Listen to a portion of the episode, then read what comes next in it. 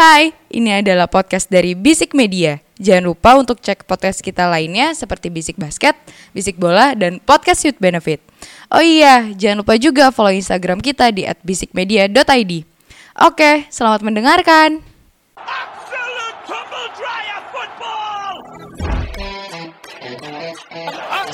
Humiliation.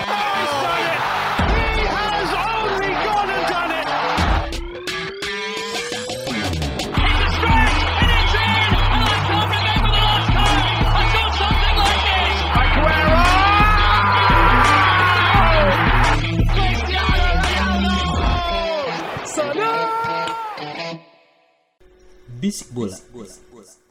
Nah, oleh Edwin, Edwin, oleh Edwin, na na na na na na na na na na Oleh Edwin, Edwin, oleh Edwin. Yes, selamat datang di Bisik Bola, sebuah podcast sepak bola yang bahas bola bola gurun dari Eropa. Sampai kalah 5-0 bodo amat. Buset yang ngomong Kita bahas secara ugal-ugalan. sapi tidak alergi pemecatan manajer di minggu ini. aku suka ini, aku suka ini. Ya, eh, baik lagi ya with with your almighty house itu itu itu podcast lain ya. Oke. Oh jangan dong. back again with um, siapa ya nama aku ya? Eh, Ronald Gusti alias Imo. Yo, annyeonghaseyo yobun, chonen panjinan wida. Salam dari Binjai. Wede, wede, wede, wede, wede. Lonjok pisang dong. Siapa lagi, siapa lagi, siapa lagi nih? Ada Agus Anugrah Solskjaer di sini. Selamat pagi, siang, sore, malam. Kebetulan ini teman kita satu lagi Aji, eh, dia masuk guanya ke daleman ya. Yes. Dan dia ketimbun jadi dia butuh waktu buat keluar dari gua itu. Dengan, dengan eh, Aji udah gak covid ya absennya ya. Ya, bukan. Emang karena dia malu aja jadi dia nggak nggak nggak mau keluar dari gua lah. Memang kenapa seorang Seno Aji Muhammad fans Atalanta bisa masuk gua bang? Kan fans Atalanta loh, bukan fans MU lagi. Tapi kan dia dari lubuk hati yang paling dalam dia tuh masih Red Army mo. Soviet dong bang. Eh, eh, jangan gitu Aji, dong. Aji, ini mentang-mentang bulan Oktober jadi Aji, oh nggak boleh ya. Oke, ke arah situ. Mari kita mulai bahas dari jokes terbaik di minggu kemarin. Yep. Betul. Yaitu kekalahan telak 5-0 Manchester United, derby de la England, gue Nah, pakai bahasa Italia ya. Derby, iya dong, derby besar dong. Ya, 19 gelar dengan 20 gelar dong. Betul, betul. Northwest Derby, Northwest Derby. Northwest Northwest Derby, Derby. atau eh, derby pelabuhan kali ya. Betul, betul. betul. Ini antara Priuk sama Tanjung Perak. Tapi gue mau nanya dulu deh dari yang netral. Menurut Boleh. lu MU Liverpool kemarin 5-0 menurut lu gimana? Itu totally jokes. Jokes untuk siapa? Eh, Untuk MU dong. Oh iya benar. Satu, eh, gua- dari gue dulu ya. Ya silakan silakan. Let's say untuk transfer, MU juara banget transfernya. ya. Dua pemain bintang, Akbar, Mega Bintang, bahkan digadang-gadang kembalinya si anak nakal ya kan, kembalinya si Mega Mega Bintang gitu loh ke tim lamanya. Dan lu membeli seorang masa depan Inggris Jadon Sancho. Ya. Dan Ya. Liverpool tidak beli siapa-siapa. Ibrahim Konate. kemarin bagus loh. Main loh kemarin. Ya, iya kan. Hanya Ibrahim Konate sama Simika. Simika juga dari musim kemarin. Si kan. Ya. tahun lalu anjir. Dan tidak ada perubahan besar di Liverpool, tapi Liverpool bisa membantai MU 5-0 di Old Trafford. Theater of Dream. Guys. makan tuh mimpi makan. Enggak, lebih ke theater of jokes sekarang ya kayaknya. Ya, ya kan. Dan kalau melihat memang kemarin eh, ya eh, head off ya buat Muhammad Salah ya 3-0, Ya. 3 gol kan dia hat Hat-trick kan. dia. Ya memang Muhammad Salah nampaknya mulai menancapkan kembali bahwa dia ya seorang The Reds gitu, Liverpoolian sejati kan. Dia menunjukkan kalau dia bukan one season wonders ya. Yes. Dan emang terbukti gitu loh ya karena kan dididik sama tim yang bagus juga sebelumnya ya. AS Roma. Eh Roma. AS Roma Baso, Fiorentina. baso. Baso. Iya. Ada di skip tuh, ya kan. nah ini juga pertanyaan gitu loh. Eh, secara material tim Yap. sebenarnya MU cukup kuat harusnya, Harusnya. harusnya. Tapi mengutip, wah ini biar sasa pandit nih, mengutip statement dari Ian Wright, Ole ini itu sebenarnya nggak jelek bang, sebenarnya nggak jelek. Tapi Ole lagi mimpin anak-anak TK bang, karena Hmm. mayoritas skuadnya adalah anak muda. Oke. Kedua, nggak ada eh, komunikasi yang baik gitu loh. Mereka tidak respect dengan seorang Ole Gunnar Solskjaer kan. Oke. Bahkan ketika CR harus di pinggir lapangan, ini Hmm. seperti mengulang eh, zaman 2016 ketika pelatih Portugal, saya lupa namanya siapa, yang memenangkan Euro pertama kali untuk Portugal, Ya. itu digantikan CR gitu loh. Oke. Ini suatu bentuk penghinaan untuk seorang pelatih, manajer tim loh. Hmm. Oleh statusnya bukan head coach tapi manajer tim. Hmm. dan harus duduk di bangku cadangan. Malah dia duduk. Sedangkan Oke. CR bisa merintah. Ini kan suatu hal pertanyaan gitu loh. Ya, Hmm. memang full bahwa ya kesalahan terbesar MU ya itulah pembeli seorang Ronaldo yang merusak komunikasi tim dan Hmm. ya komunikasi berjalan dengan baik gitu loh. Oke. Sedangkan orang-orang yang nurut sama Ole, let's say Danny Lingard, eh Jeheza Lingard, Donny van de Beek itu nurut loh sama Ole loh. Hmm. Tapi nggak dimainin gitu loh. Inilah inilah tantangan seorang pelatih yang nggak punya yang nggak punya respect dari timnya. Itu dari gue. Coba kita tanya sama yang menang dulu kali bang. Ya, yang menang dulu lah. Kalau menurut lu Ji, apakah pantas dipermalukan 5-0 di kandang itu apakah pantas buat lu Ji? Eh, sebenarnya gini ya, karena minggu lalu gue bilang kalau udah derby, udah mulai laga gede, itu biasanya form tuh udah keluar dari pintu gitu, Yes, out of the door aja. betul. Kemarin jujur gue juga kaget gak skornya 5-0 gitu. Cuma kalau gue lihat yang apa yang terjadi di lapangan, men ini apa ya? Ibarat kata tuh Liverpool tuh lagi lawan tim Liga 3 tau gak sih lo? Yes. Liga 3 Liga Indonesia Liga 3 Indonesia bener-bener nggak ada yang namanya koordinasi di lapangan di teng depannya nggak jalan tengahnya nggak jalan di belakangnya apa lagi Oke. dan permasalahan permasalahannya sama gitu loh permasalahannya sama mereka tuh kemarin defensive line-nya tuh nggak 424 kan Wow. aneh ya Ya, 424 duanya tuh kan siapa ya, Nah, setuju. itu. Fred sama Pogba? Fred McTominay Iya, Tomini. karena Tomini. Pogba baru masuk di babak kedua Oke. kartu merah pula Betul. Fuck. kan bego Fuck. kalau kita lihat eh waktu gol yang pertama ya gol yang pertama ya. Lo mau tahu nggak yang ada di belakang tuh ada siapa? Nggak mau tahu. coba coba gimana gimana? Gimana gimana gimana gimana. Anjing patah dong. defender ter- defender terakhirnya Luke Shaw. Wow. Ya, Luke Shaw seorang bek kiri. Harry Maguire tau nggak di sebelah mana? Sebelah kanan. Ya, Lindelof Lindelof di mana? Di kanan.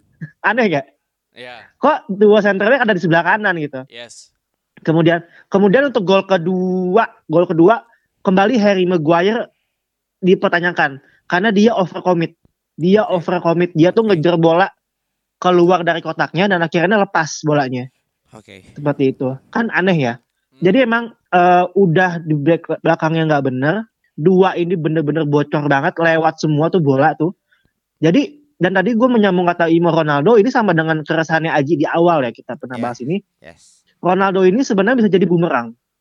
Yes he's a good striker. Yes he's a good goal scorer gitu. Cuma di saat tim lo dan striker lo ada satu pemain yang nggak mau komit dengan nggak mau track back Ronaldo tuh bener-bener nggak mau track back kemarin tuh Iya. males banget dia Faktor nggak umur? mau ngejar bola Faktor umur?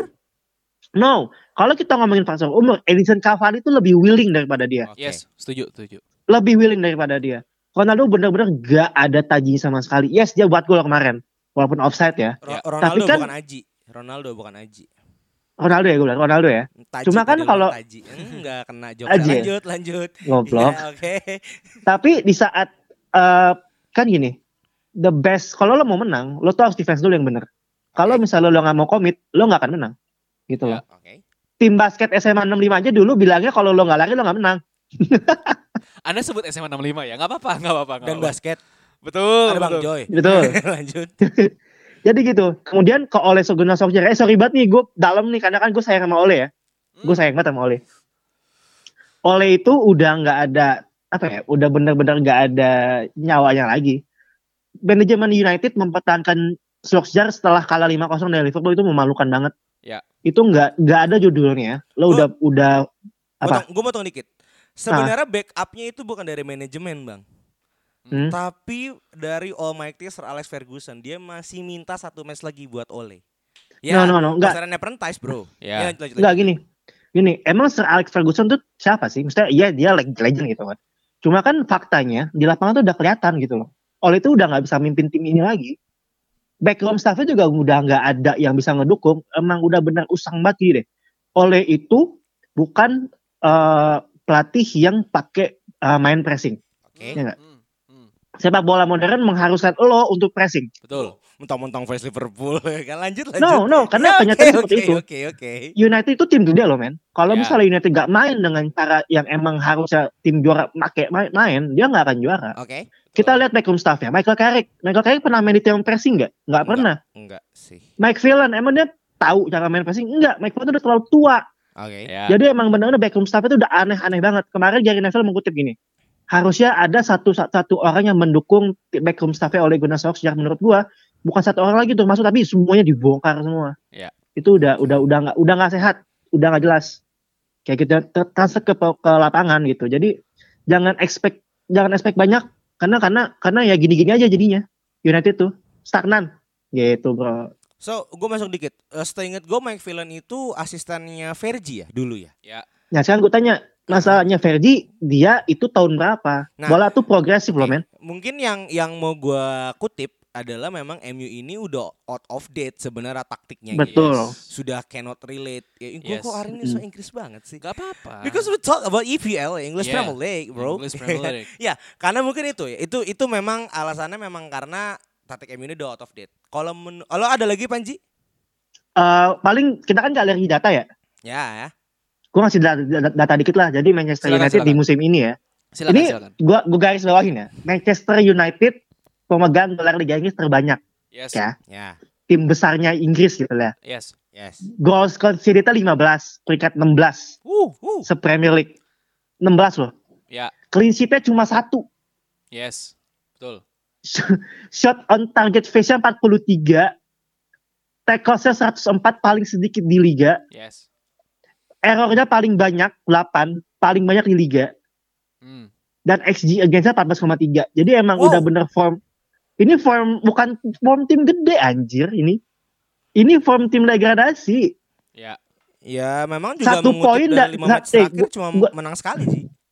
Satu poin dari satu poin dari available 12. Yes. Ya. Jadi dari 12 poin yang tersedia dia cuma dapat satu poin. Yes. Aneh nggak? Ya itulah. Oke. Ya sebenarnya lebih aneh lagi ketika kita udah ngeceng-ngecengin Arsenal ternyata poinnya nyamain Arsenal sih. Nah itu. Iya, betul 14. Ini gue masuk dikit ya. Oh, boleh dong. Kita butuh pembelaan dari seorang fans Nah, MU. gue justru nggak mau ngebela beneran. Ini gue udah mau maki-maki banget beneran.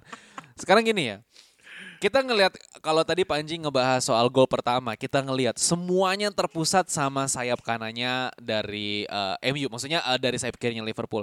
Kita nggak ngelihat di situ ada Muhammad Salah sendirian di sana, di mana Luke Shaw eh, overlapnya segitu jauhnya, di mana Maguire segitu jauhnya. Menurut gua gini ya, kalau menurut gua, gua sangat relate sama apa yang kita bahas di episode sebelumnya sih bahwa eh, ya Maguire ada Luke Shaw itu di timnas Inggris lumayan jadi momok yang lumayan menakutkan di lini Sangat. belakang. gitu. Sangat, Bang. Mereka sorry, mereka hero loh sampai Iya. ke final loh. Betul. Yes. Tapi balik lagi ketika ngomongin Manchester United, ketika dia melakukan kesalahan sebegitu bodohnya, menurut gue ini bukan salah pemainnya lagi. Semuanya ini udah menuruti apa kata pelatih, apa yang diinstruksikan sama pelatih gitu loh. Dengan sekali ber eh, Maguire, dengan sekali ber eh, Luke Shaw, menurut gua ini udah udah di luar batas sih kalau menurut gua. Dan amat sangat disayangkan kita harus menunggu match lawan Tottenham dulu untuk bisa memutuskan apakah Ole bisa lanjut atau enggak gitu loh. Elsa Kiko ya. Aduh ya Sek lagi Elsa Kiko. Yang tainya kan kalau misalkan ini lawan Tottenham dia menang, dia akan dipertahankan kan. Dan ya udah kayak gitu aja jadi siklusnya gitu loh. Ketika kita oleh out, oleh out, eh, akhirnya oleh menang, menang dan akhirnya dipertahanin. Gitu terus dari dari zaman waktu comeback lawan PSG selalu begitu.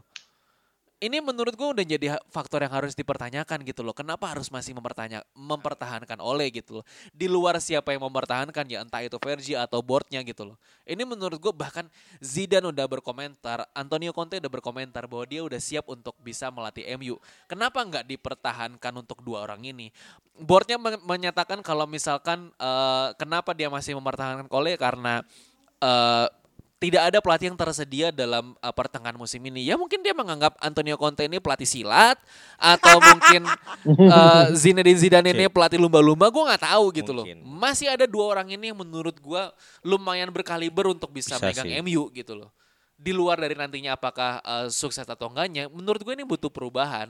Karena ya sekarang dari segi gak usah kita ngomongin komposisi pelain, uh, pela- uh, pemain ya dari segi uh, posisi pemainnya aja ini menurut gue udah acak adut gitu loh. Gue nggak masalah soal Ronaldo uh, apakah uh, egois atau uh, Ronaldo sentris di lapangan gitu loh. Selama itu masih membawa uh, membawa poin positif untuk MU itu masih go on It's aja fine, gitu. it's fine. Nggak apa-apa. Cuman kalau misalkan ini uh, dari segi keseluruhan tim ke 11 pemain yang bermain di lapangan yang udah bermain jelek, menurut gue ini bukan salah dari salah satu pemain ini udah salah pelatihnya kalau menurut gue. So jadi lu bener-bener stand di Ole out. Ya sangat. Panji Apakah Ya, Ole masih pantas buat dipertahankan? Ya karena dia rival menurut gue dia akan mau mempertahankan Ole. For a Ya, kalau profes- kita- professional testimonial. Ya kalau kita ngomongin eh, yang benernya ya harusnya dia keluar lah.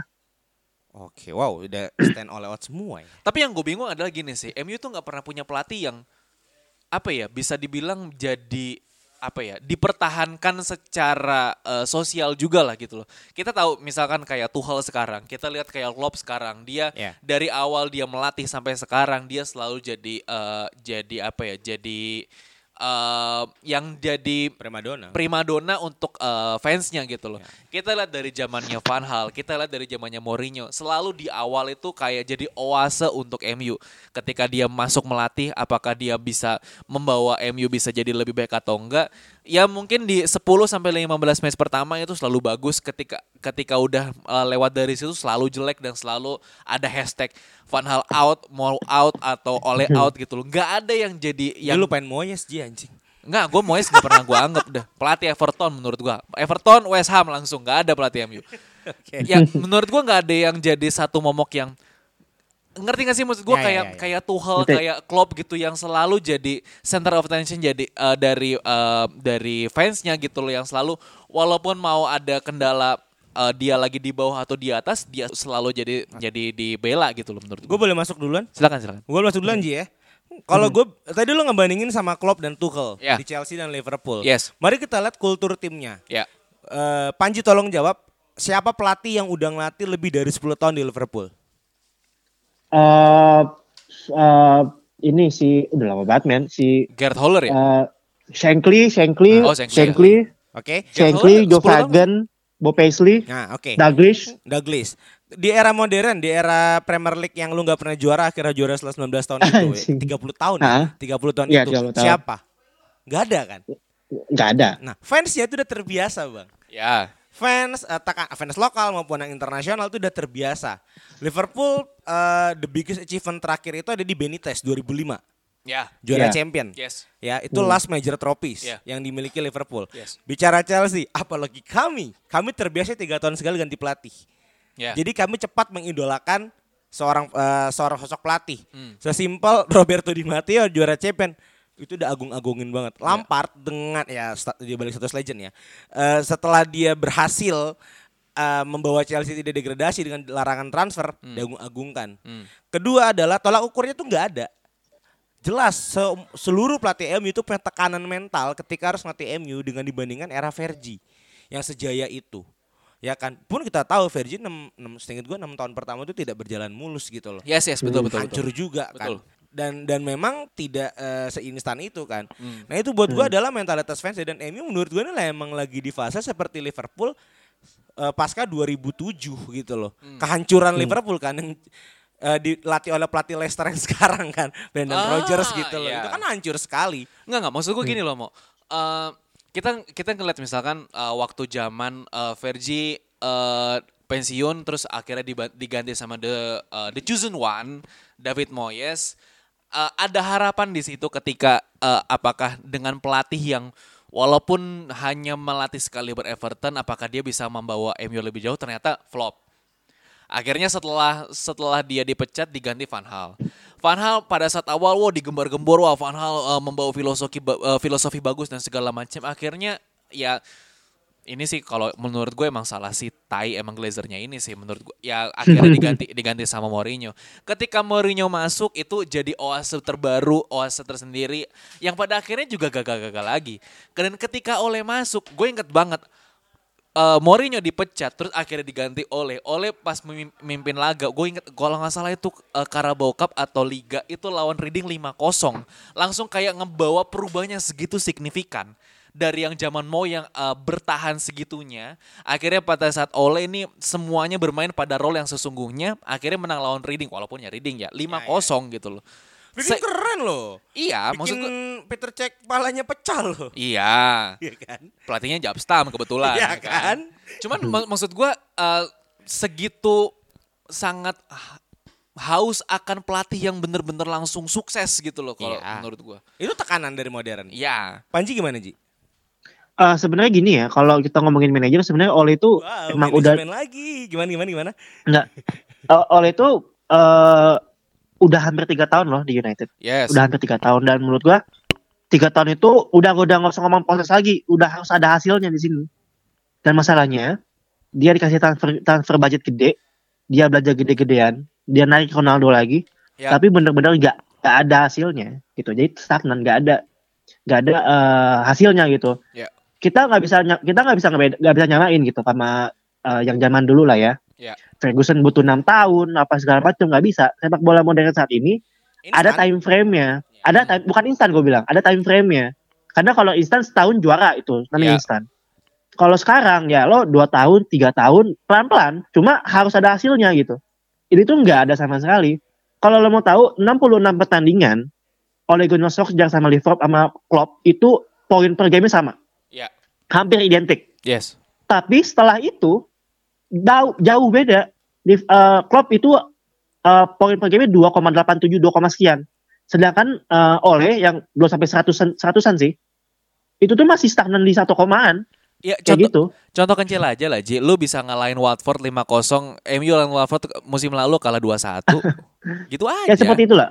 Hal-hal seperti itulah. Jadi gue jujur secara permainan gue nggak ada nggak ada nggak ada nggak ada nggak ada perbedaan gitu nggak ada perubahan sama sekali malah ternyata prediksi Aji di awal Ronaldo merusak balancing tim benar ternyata ternyata dia merusak karena dia nggak ada tracking back sama sekali gitu nggak ada Kalau gue pribadi sebenarnya di luar dari Ronaldo mau kayak gimana, gue sih masih masih sangat nggak terlalu gimana gimana sama Ronaldo. Gue masih sangat menyoroti pelatihnya sih. Terlepas dari Ronaldo sentris atau bagaimana, menurut gue ini udah sosok pelatih yang harus bisa harus bisa mengendalikan eh, kontrol dari emosi pak masing-masing pemain sih kalau menurut gue. Itu yang Oleh nggak Hmm. punya. Itu yang Oleh nggak punya menurut Oleh gue. nggak punya respect. Yes. Oleh nggak, maksudnya ya untuk bicara melatih sebuah tim besar Ya. itu butuh tangan besi gitu loh. Hmm. Bukannya bias ya, balik lagi. Benar benar. Ya, Thomas Tuchel ketika masuk ke Chelsea dia merebuild semua skuadnya. Hmm. Bahkan semua pemain yang dapat kita bilang eh, cenderung dilupakan. Yes. Let's say Marcos Alonso,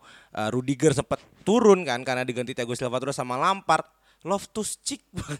itu dicoba sama Ya. dia. Dia Ya. mencoba semuanya dan emang Tuchel ini terkenal tangan besi. Kita bicara juga eh, Jurgen Klopp gitu loh. Hmm. Ya kan banyak keputusan-keputusan besarnya untuk merubah tim. Kalau lu juga bicara kedua, sekarang pelat eh, di modern ini kalau dari dulu lu bilang ya eh, punya jajaran pelatih dalam eh, analisis gua ke seluruh pelatihan ke seluruh pelatih yang masuk di MU itu masih old school taktiknya.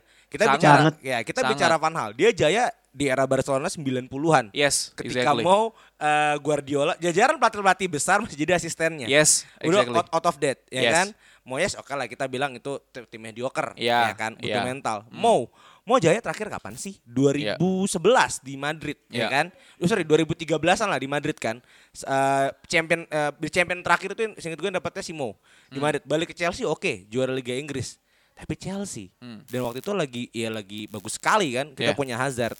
Masuk ke MU itu di masa kehancuran buat gue. Ya, sekarang Iya. lihat lah di Tottenham gagal. Di Roma walaupun peringkat 4 tapi ya lu udah ke Roma. So-so kalau menurut gue di lu, Roma lu udah ke Roma gitu loh kan.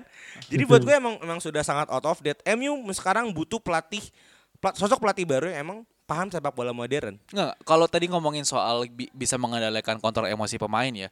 Kita ngeliat pem- eh, pelatih yang digadang-gadang mau ke MU, Zinedine Zidane gitu loh.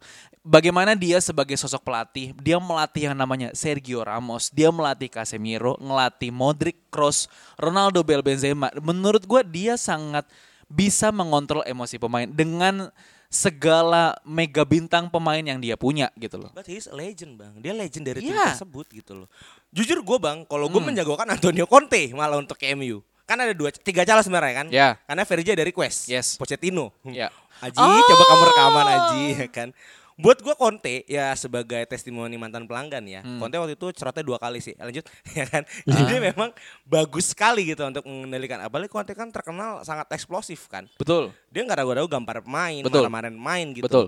jadi kalau buat Zidane buat gue kualitasnya belum teruji secara pasti Tapi kalau untuk secara eh, disejajarkan dengan manajemen Ma- Man- eh, Manchester United, menurut gua kayaknya bakal terulang lagi dengan kejadian di Inter. Oke, let's uh, talk dari pihak ketiganya. Menurut lo gimana Ji? Ini ada dua pihak nih, Zidane sama Conte. Menurut lo gimana Ji? Siapa yang lebih cocok melatih MU? nggak ada yang cocok menurut gue dua-duanya Lebih cocok Apa Roy ya? Keane kayaknya ya.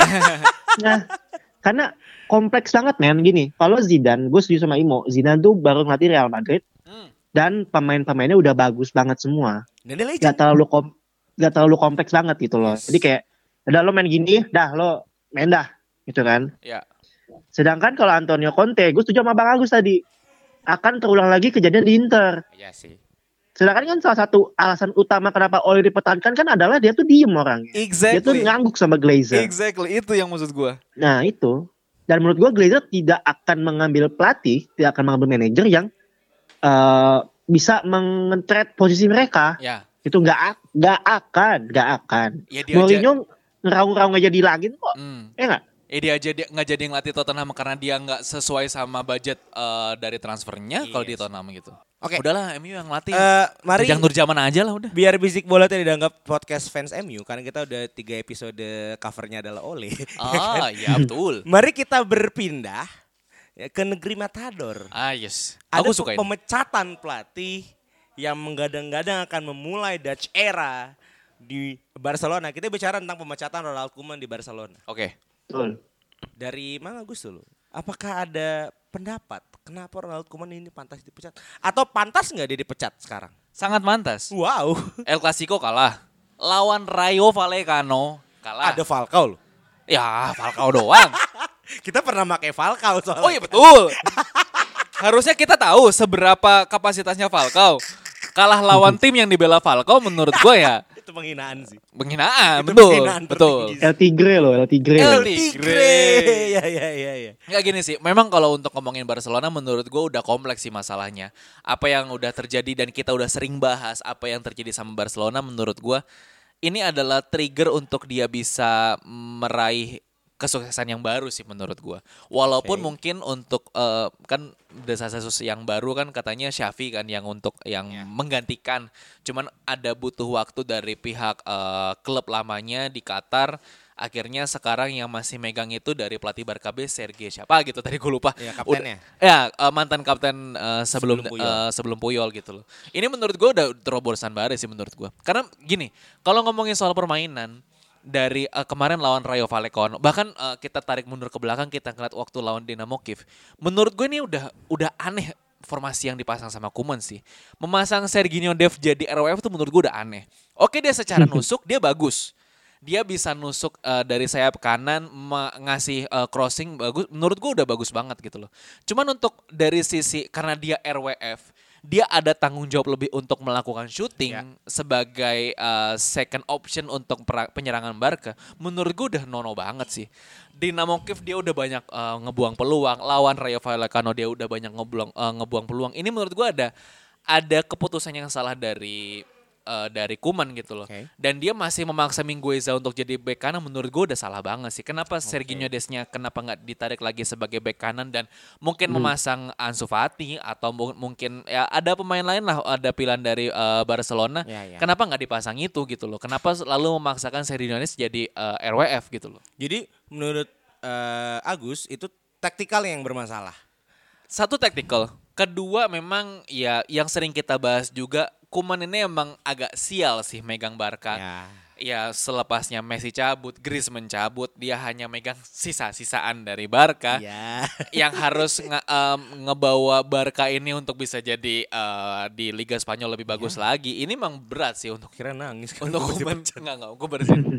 lanjut lanjut silakan. Oke, kalau dalam pandangan gue tunggu aja ya. Kalau untuk eh, dalam pandangan gue, gue kebetulan eh, bisik bola kan juga habis ngepost kan. Yes. Tribute to Kuman kita menyandingkan match-match terakhirnya. Tribut tuh gimana kayak Kuman baru meninggal ya? meninggal karirnya ya. Oh, Karena iya, oke. feeling gue karirnya akan mati sih.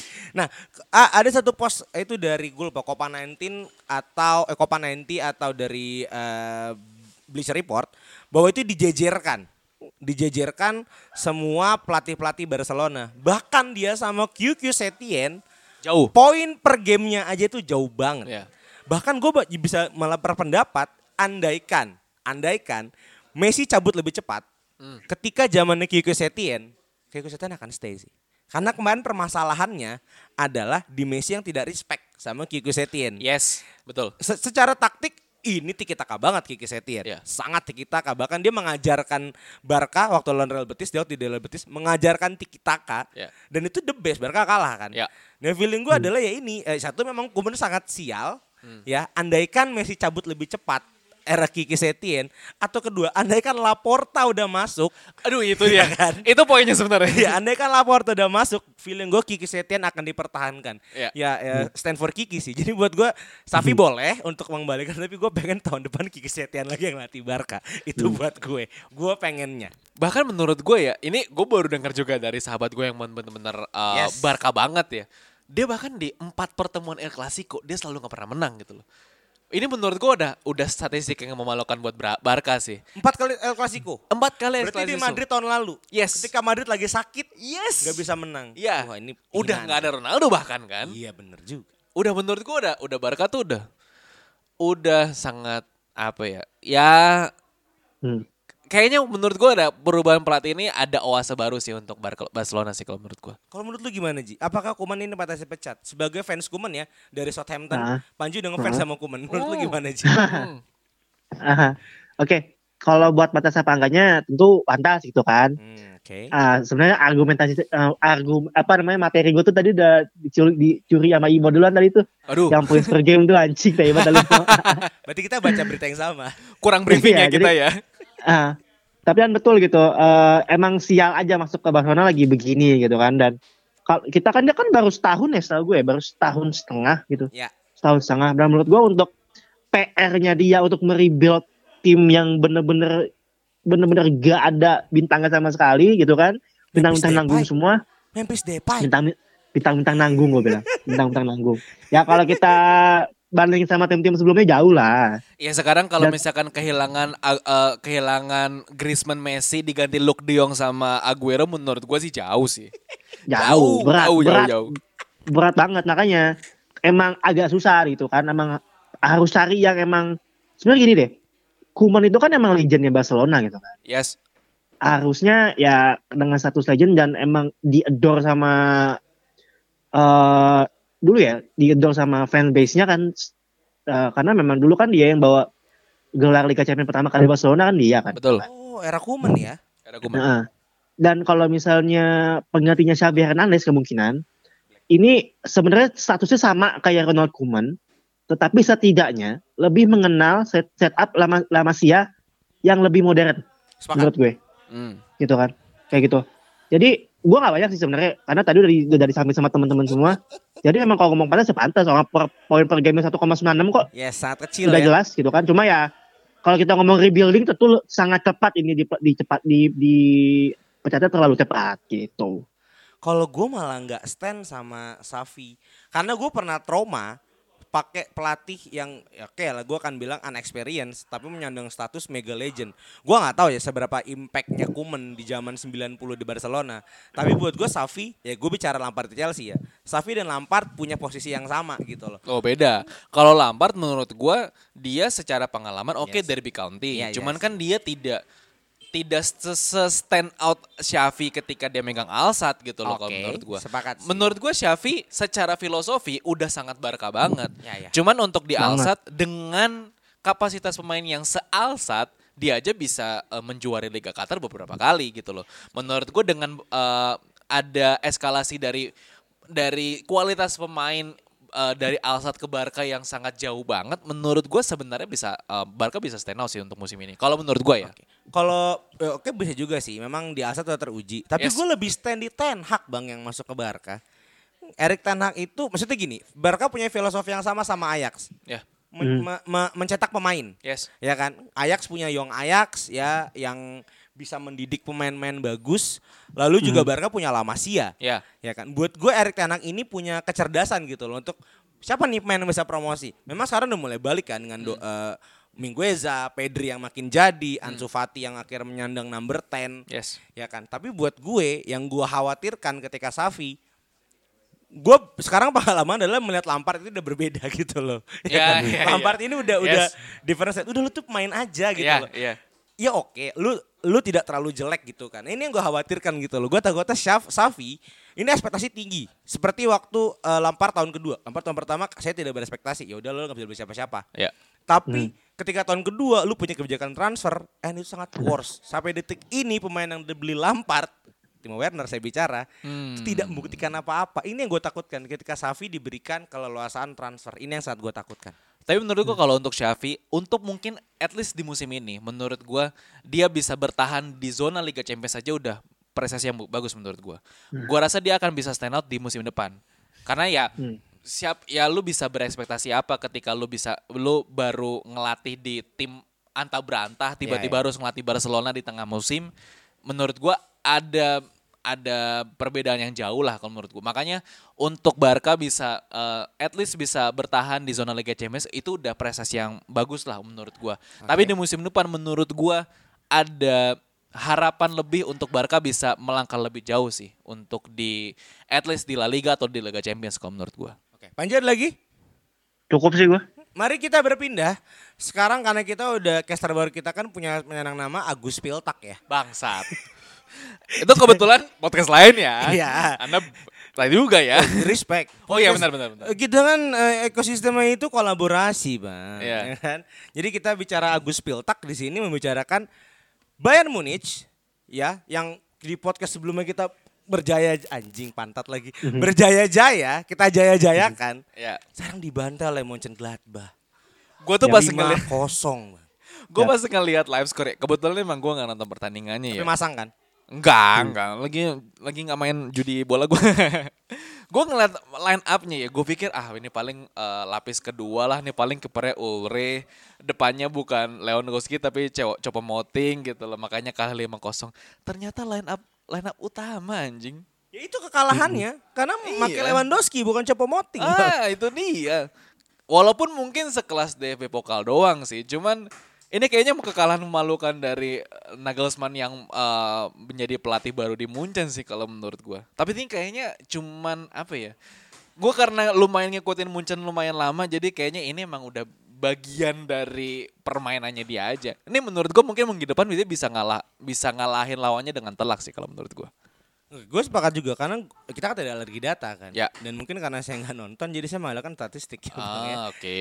Ini memang banyak banget eh, attacks, attacks yang yang yang dilakukan sama kedua tim gitu loh. Bang 13 banding 15 shoot. Hmm, Ini bener-bener main futsal, Bang.